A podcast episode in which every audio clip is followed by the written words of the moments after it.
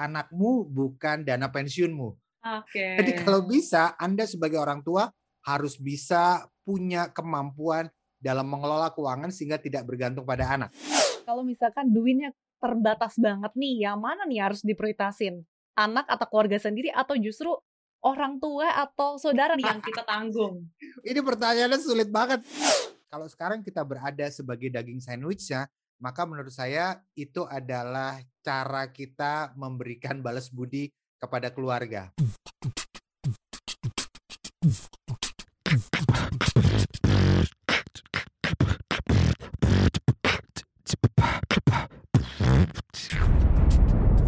Cuap-cuap cuan.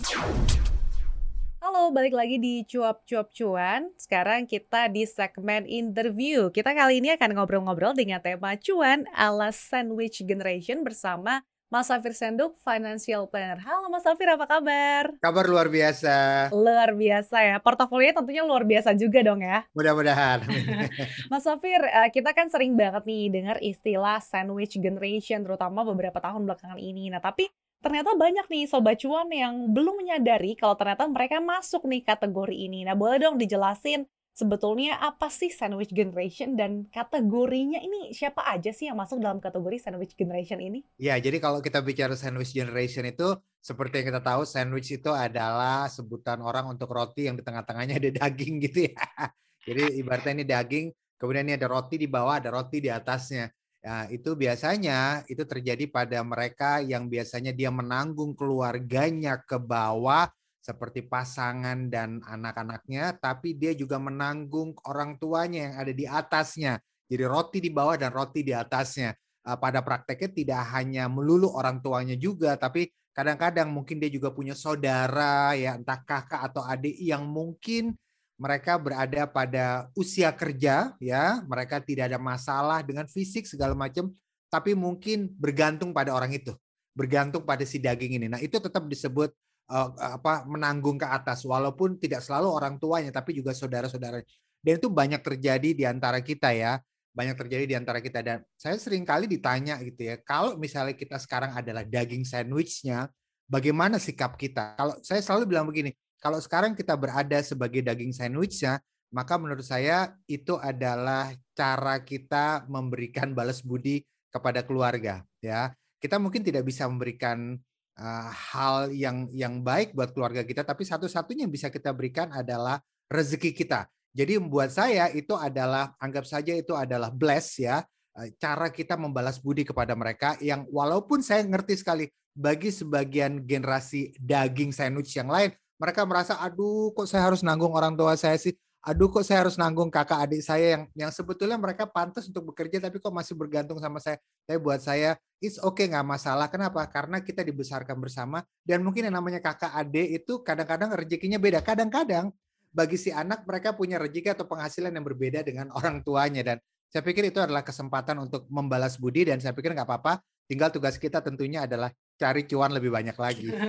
Oke, jadi sebenarnya kalau Mas Safir melihat ini uh, sebagai bal uh, balas budi gitu ya. Betul, Tapi betul. sebetulnya memang tidak menampik ini juga sebenarnya karena budaya Indonesia juga ya, yang Bener. kita uh, tidak bisa hindari juga ini. Tapi sebetulnya apa sih yang menjadi pemicu seseorang atau mungkin di keluarga itu mereka menjadi uh, bagian dari sandwich generation? Ya, jadi gini, jadi kalau misalnya seperti yang saya bilang sandwich generation ada daging, ada roti di bawah, ada roti di atas. Kalau roti di bawahnya tuh nanya ke saya, aduh Mas Safir, saya masih ditanggung oleh orang tua saya gitu-gitu, mungkin mereka jarang sekali nanya begitu. Tapi kalau generasi atasnya si orang tua yang ditanggung oleh si anak, dia datang kepada saya, kemudian nanya kepada saya saran apa yang sebaiknya dilakukan, saya pasti akan bilang adalah bahwa anakmu bukan dana pensiunmu. Oke. Okay. Jadi kalau bisa Anda sebagai orang tua harus bisa punya kemampuan dalam mengelola keuangan sehingga tidak bergantung pada anak. Saya akan bilang begitu pada seorang tua kalau orang tua itu datang kepada saya. Tapi kalau yang datang kepada saya adalah si daging sandwich si anaknya, tentu saya tidak mungkin bilang jangan menanggung orang tua. Saya nggak bisa bilang begitu dan dan memang kita harus tidak tidak bisa pungkiri kita hidup di Indonesia budaya timur itu masih ada. Jadi saya bisa bilang kepada si anak bahwa kalau misalnya orang tua Anda terpaksa bergantung kepada Anda, it's okay nggak apa-apa. Tapi kalau orang tuanya yang datang pada saya, saya bilang kalau Anda masih sebagai orang tua, Anda masih punya waktu untuk menabung, berinvest dan bekerja, kalau bisa hindari menjadikan anak sebagai dana pensiun. Nah sekarang pertanyaannya, Apa yang harus dilakukan? Kalau misalnya bagi seorang tua tentunya yang harus mereka lakukan adalah mereka harus bisa meningkatkan kemampuan literasi keuangan mereka sendiri. Yang menarik sekarang adalah bahwa eh, kemampuan pengelolaan keuangan atau mindset keuangan anak muda sekarang, katakan milenial dan Gen Z saat ini itu berbeda dengan mindset keuangan yang dimiliki oleh orang tua yang sekarang mungkin usia kepala 5, kepala 6 atau kepala 7. Saya kasih tahu contoh bedanya. Biasanya mereka yang usia kepala 5, kepala 6 atau kepala 7 pada saat ini mereka memandang bahwa kesuksesan keuangan seorang anak itu diukur dari kepemilikan aset. Hmm. Saya pernah satu dua kali ketemu dengan seorang pensiunan yang bilang kepada saya, aduh Mas Hafir, saya beruntung banget. Kenapa? Karena anak saya sudah punya mobil, anak saya sudah punya rumah. Sudah punya, itu menjadi ukuran kesuksesan keuangan bagi seorang tua terhadap anaknya. Jadi akhirnya banyak sekali mereka yang ketika mereka bekerja yang ada di pikiran mereka adalah kapan saya bisa beli mobil, kapan yeah. saya bisa beli aset pertama saya. Nah sekarang yang menarik adalah generasi milenial dan Gen Z mereka sekarang punya pandangan yang berbeda ya. Mungkin belum semua tapi berbeda. Berbeda di mana? Bahwa mereka tidak terlalu mempedulikan kepemilikan aset. Saya sudah mulai melihat sebagian anak muda yang tidak terlalu mempedulikan kepemilikan aset. Nggak apa-apa deh, saya nggak punya motor uh, toh sekarang banyak yang online nggak apa-apa deh saya nggak punya mobil toh sekarang banyak yang online saya bisa naik kendaraan umum nggak masalah tapi yang penting saya punya investasi Mas Safir.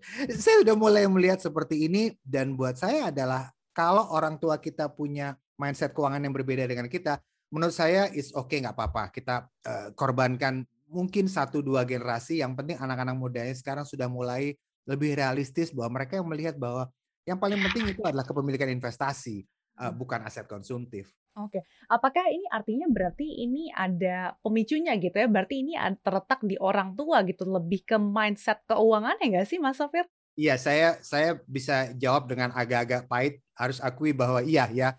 Uh, tapi jangan lupa bahwa hmm, di masa lalu keberhasilan keuangan seseorang itu sering kali ya betul diukur dari kepemilikan aset oh orang itu dia jabatannya tinggi, dia kerja di perusahaan ini atau perusahaan itu, tas brandednya ada tiga, oh pasti sukses. Oh mobilnya ada empat, pasti sukses. Rumahnya ada tiga, pasti sukses. Padahal kalau kita lihat dari kacamata keuangan zaman sekarang ya kesuksesan keuangan nggak lihat dari situ ya percuma dia punya banyak sekali eh, barang konsumtif tapi dia tidak punya investasi kan begitu ya.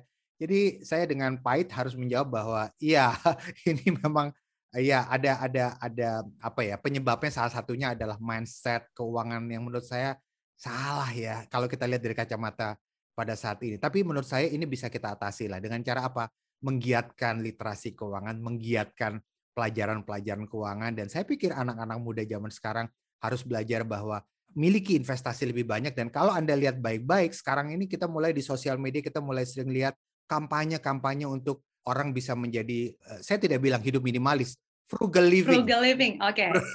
frugal living. Yeah. Jadi hidup mungkin nggak harus minimalis, tapi hidup ya secukupnya, ya sederhana. Kalau saya sih mendukung, kenapa? Karena begini, biasanya kalau orang punya frugal living, gaya hidup yang seperti itu, kalau terjadi amit-amit terjadi resesi dan pandemi lagi di masa mendatang, kita tidak sulit melakukan penyesuaian gaya hidup. Sekarang bayangkan kalau seseorang sudah memiliki gaya hidup yang tinggi, sesuai dengan penghasilan dan karir dia, ketika next time amit-amit ada resesi atau pandemi lagi, sulit buat seseorang menurunkan gaya hidupnya karena gaya hidupnya udah terlanjur tinggi. Tapi kalau dari sekarang dia sudah punya gaya hidup yang ya secukupnya seperti itu, tidak berlebihan. Um, kalau nanti ada resesi lagi misalnya, tidak sulit buat dia melakukan penyesuaian. Karena itu saya selalu bilang, ya milikilah gaya hidup yang secukupnya, tidak usah terlalu berlebihan, mungkin tidak usah minimalis sekali, biasa-biasa saja gaya hidup yang secukupnya ya. Menarik sekali Mas Safir, berarti ada shifting juga ya di mindset dari yang tadinya harus punya aset yang banyak, tapi sekarang gimana nih caranya supaya memiliki investasi?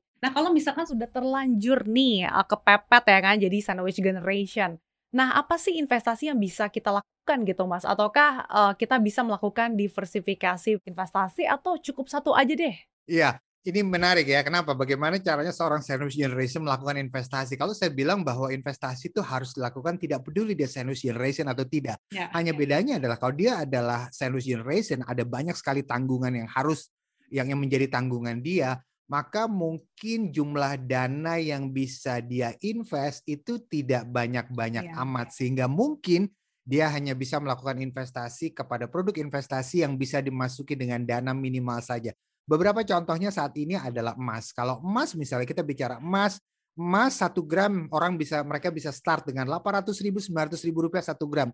Dan jangan lupa kalau kita bicara emas fisik sekarang 0,5 gram pun ada. Bahkan eh, saat ini kalau kita bicara emas kita bisa start masuk ke emas dari mulai 0,1 gram misalnya. Loh iya. bagaimana yeah. caranya? Caranya dengan melalui beli emas secara digital ya.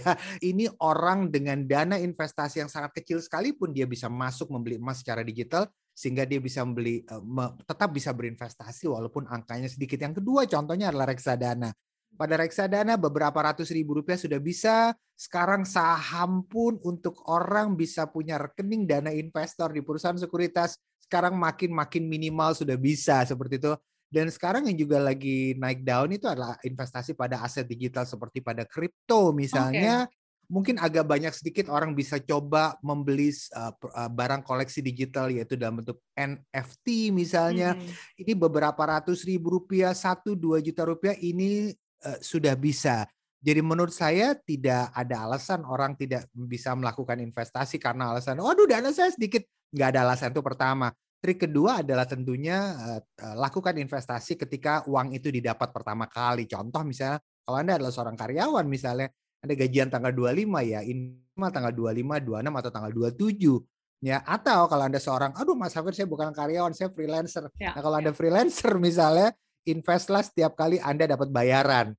Contoh contoh misalnya uh, Anda seorang MC, Anda sering MC, ya udah tiap kali dapat bayaran sebagai MC, investkan sebagian, sisanya dibelanjakan nggak apa-apa. Oke, sekarang pertanyaannya, satu investasi atau banyak? Nah ini dia, saya selalu dibilang begini, ditanya, sebaiknya investasi ke mana ya?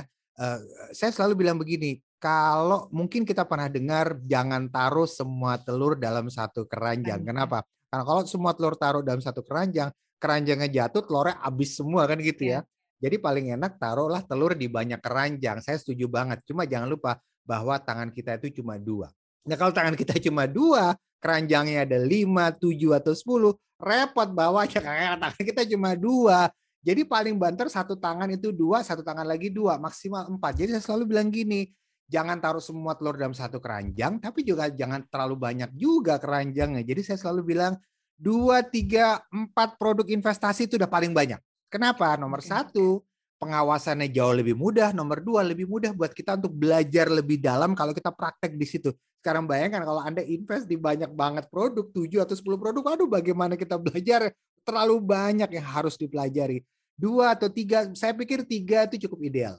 Oke, jadi diversifikasi investasi ini perlu, tapi tadi lihat lagi ya, jangan banyak banget juga, seenggaknya 2 sampai 3 ya Mas Safir ya. Yes, betul, betul. Oke. Nah, kalau misalkan seandainya um, terhimpit keuangan nih, harus uh, menanggung uh, keuangan anak juga atau keluarga, tapi juga ada saudara atau mungkin orang tua. Nah ini komposisi pengaturan keuangannya setiap bulannya seperti apa sih, Mas Safir? Boleh nggak sih dikasih gambaran ke teman-teman Sobat Cuan? Misalkan ya. dari uh, pendapatan yang mereka dapatkan ini, berapa persen misalkan untuk kebutuhan sehari-hari, kemudian berapa persen nih untuk investasi dan juga mungkin untuk pengeluaran lain-lainnya nih? Saya selalu uh, dapat pertanyaan seperti ini. Kalau saya punya income berapa persen ke sini, berapa persen ke situ dan lain sebagainya. Dan saya selalu bilang bahwa tidak ada satu orang pun yang bisa pakai angka persen yang sama. Kenapa? Karena tiap orang itu punya kondisi yang beda-beda, gitu ya. Satu-satunya pihak yang sering kali atau selalu bertanya berapa persen berapa persen itu cuma media.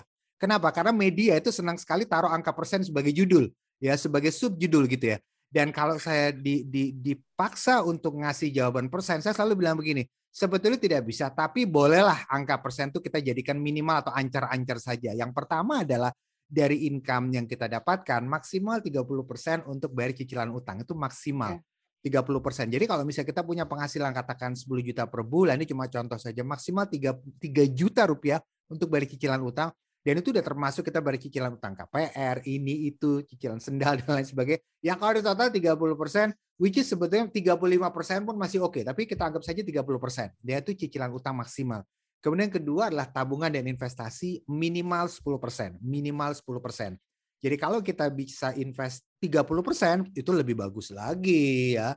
Jadi kalau kita bisa invest 50% dari penghasilan kita itu lebih bagus lagi. Tapi kalau Anda bisa invest 70% dari penghasilan, itu berarti mungkin Anda tinggal sama mertua. bisa Kemudian aja ketiga, iya betul kan? Kemudian ketiga itu adalah premi asuransi. Jadi kalau premi asuransi itu paling tidak 10% lah dari hmm. penghasilan kita itu maksimal sih saya bilang bukan paling tidak itu maksimal.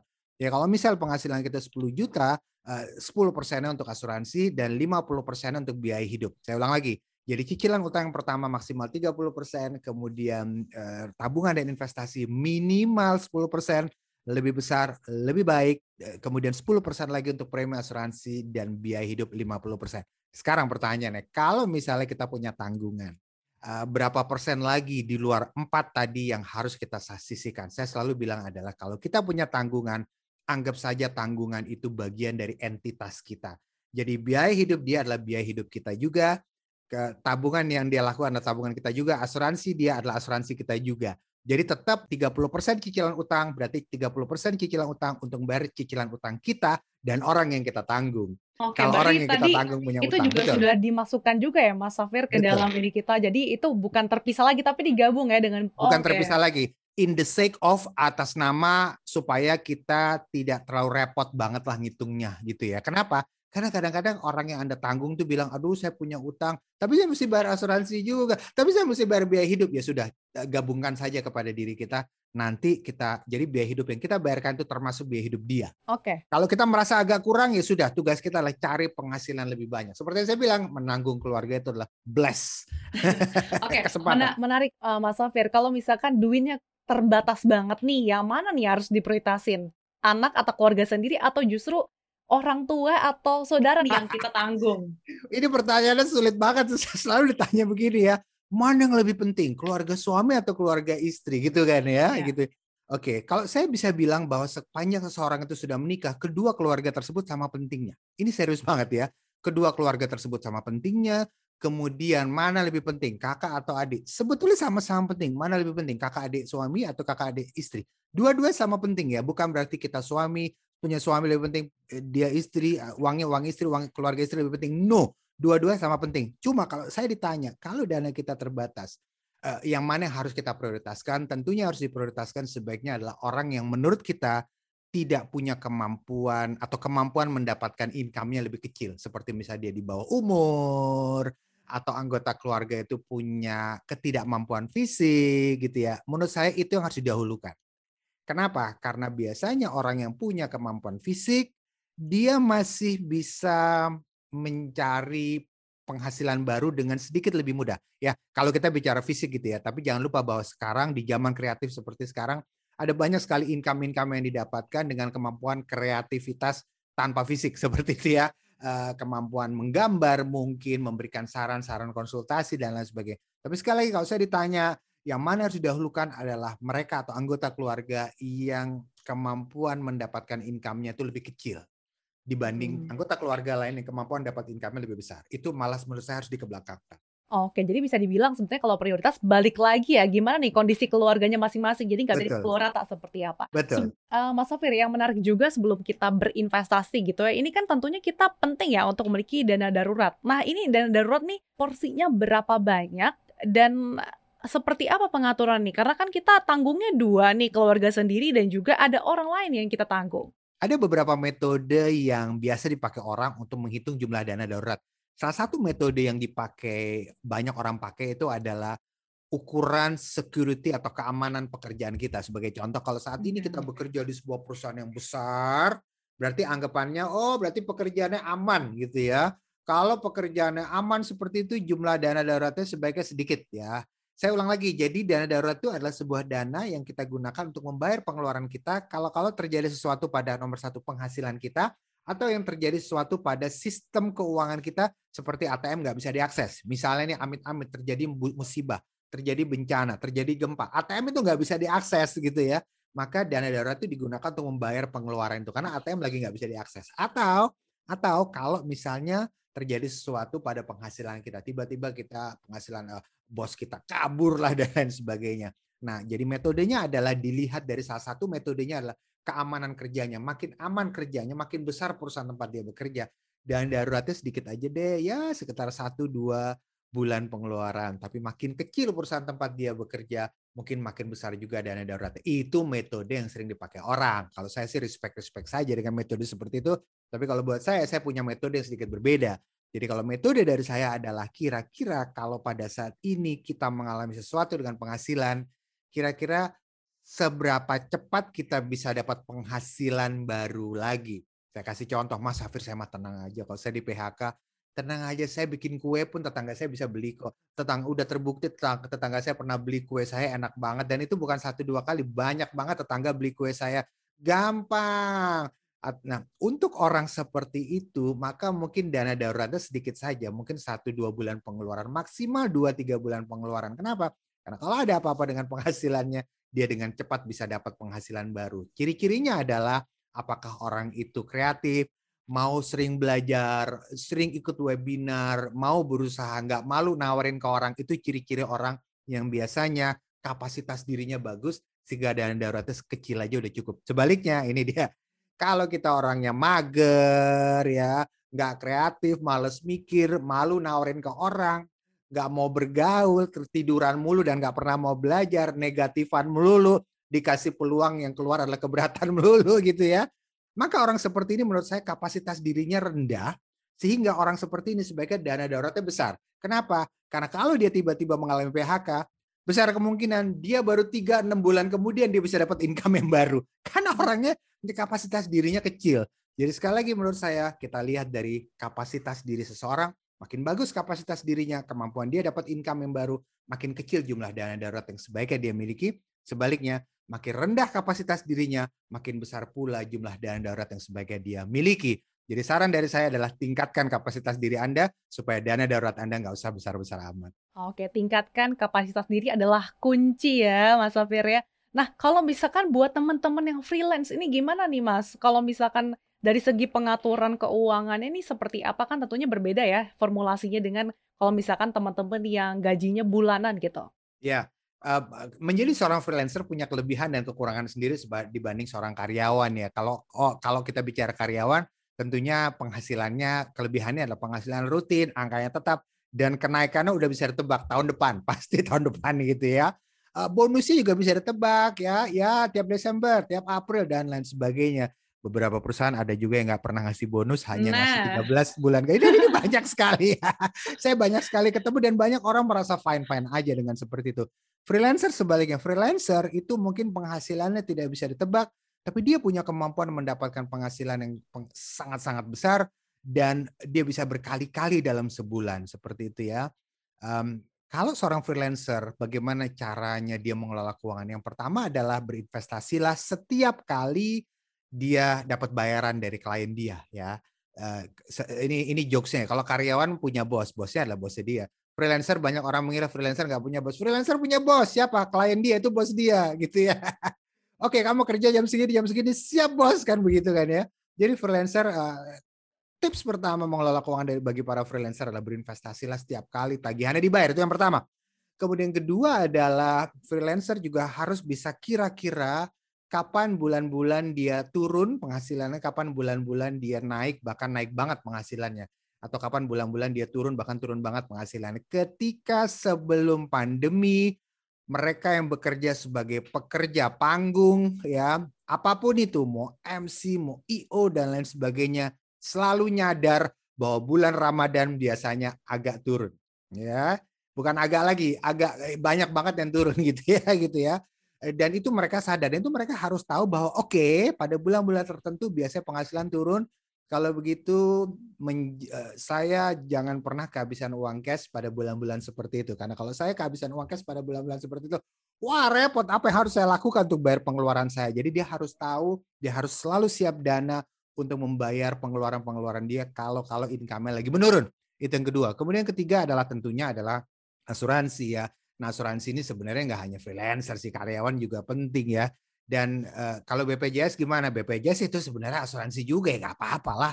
Uh, orang kalau udah punya BPJS nggak ambil asuransi juga itu nggak apa-apa kan BPJS itu asuransi juga nggak apa-apa. Kenapa? Karena asuransi baik asuransi swasta yang kita ambil sendiri atau asuransi sosial dalam bentuk BPJS itu bisa menanggung pengeluaran-pengeluaran kita kalau terjadi musibah atau sakit yang membutuhkan dana yang sangat-sangat besar. Kemudian yang keempat saya pikir juga pemilihan investasi untuk freelancer ini juga harus diperhatikan. Mm-hmm. Kalau misalnya si freelancer ini pekerjaannya cukup beresiko, maka mungkin dia bisa ambil investasi yang aman-aman saja. Beresiko dari segi penghasilannya bisa dapat bisa nol sama sekali. Dia bisa ambil investasi yang aman-aman aja supaya apa? Supaya kalau misalnya dia lagi nggak dapat income, dia bisa membayar dirinya sendiri dari investasi dia. Sebaliknya kalau freelancer ini pekerjaannya adalah pekerjaan yang risikonya rendah, mungkin jualan online dan barang yang dijual juga barang-barang kebutuhan sehari-hari yang nggak berisiko deh, pasti laku. Eh, masalahnya lakunya belum tahu minggu ini apa bulan depan apa tahun depan gitu ya. Maka hmm. mungkin dia bisa meningkatkan investasi atau profil risiko investasinya.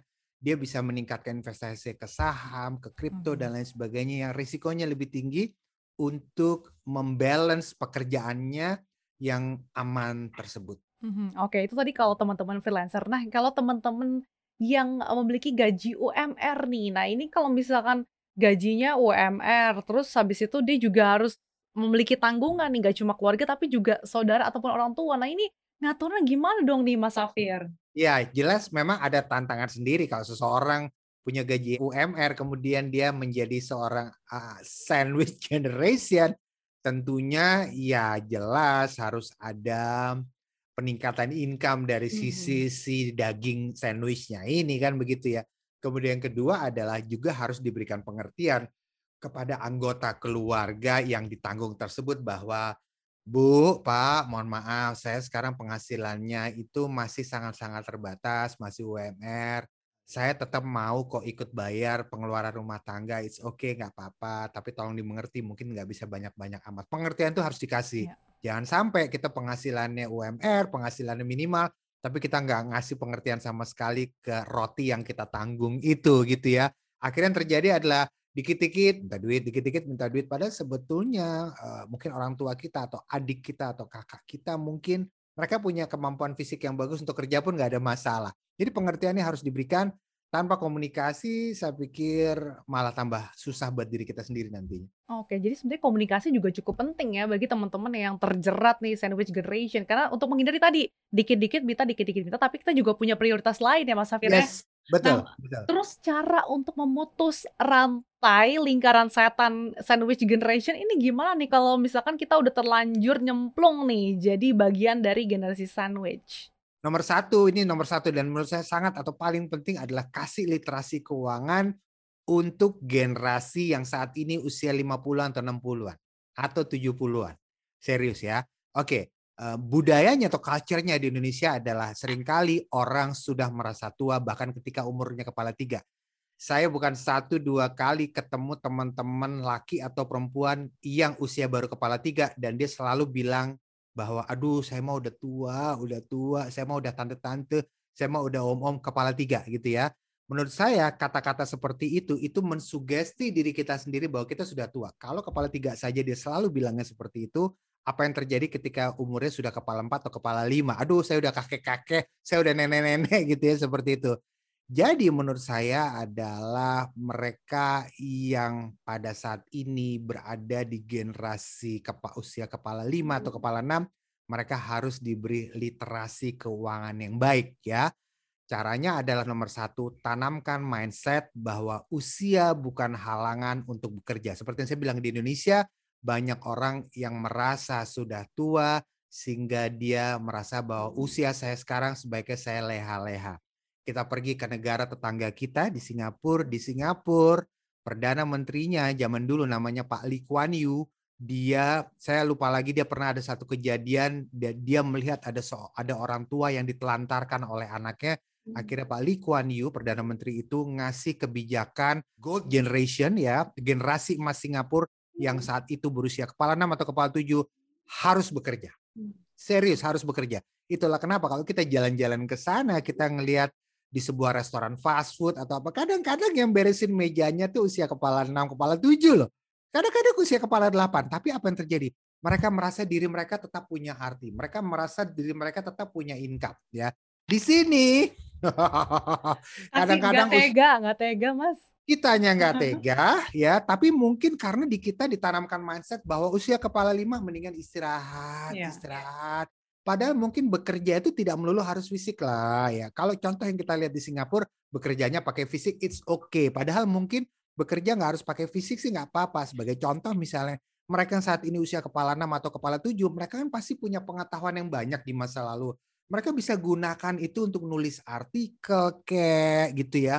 Mereka bisa jadi memberikan saran-saran, mereka bisa terjun ke profesi konsultasi kayak dan lain sebagainya. Sehingga mereka bisa tetap punya income, dan menurut saya itulah salah satu ya cara terbesar untuk memutus mata rantai itu dengan membuat para generasi emas Indonesia yaitu kepala 6 kepala 7 pada saat ini itu tetap berpenghasilan dan supaya mereka bisa tetap membayar pengeluaran-pengeluaran mereka sendiri tanpa perlu harus terlalu ya mungkin uh, mandiri banget juga mungkin enggak kali ya, ya tanpa perlu harus terlalu bergantung pada anaknya sendiri. Oke, cukup komprehensif sekali Mas Safir. Jadi memang dibutuhkan literasi keuangan yang baik ya. Tadi uh, saya suka sekali kata-kata Mas Safir usia bukan halangan bekerja dan anak ini bukan dana pensiun orang tua ya Mas Safir ya. Oke, kalau gitu terima kasih uh, sekali Mas Safir Senduk, uh, financial planner sudah uh, memberikan insight-insightnya. Semoga sobat cuan uh, juga uh, cukup memahami ya dan juga bisa menerapkan nih kiat-kiat supaya bisa memutus rantai sandwich generation ini. Terima kasih Terima Mas Safir. Terima okay. kasih. Ya, Sobat Cuan, jangan lupa untuk dengerin podcast Cuap Cuap Cuan di Spotify, Apple Podcast, dan juga di Google Podcast. Nah, jangan lewatkan juga untuk follow Instagram Cuap Cuap Cuan di at cuap underscore cuan. Dan jangan lupa juga untuk subscribe YouTube channel kita di Cuap Cuap Cuan dan jangan lupa juga untuk komen, like dan juga share sebanyak-banyaknya ke teman-teman supaya bisa lebih bermanfaat lagi. Oke, kalau gitu sampai jumpa di segmen interview Cuap Cuap Cuan berikutnya. Tetaplah bersama kami di CNBC Indonesia Beyond Business.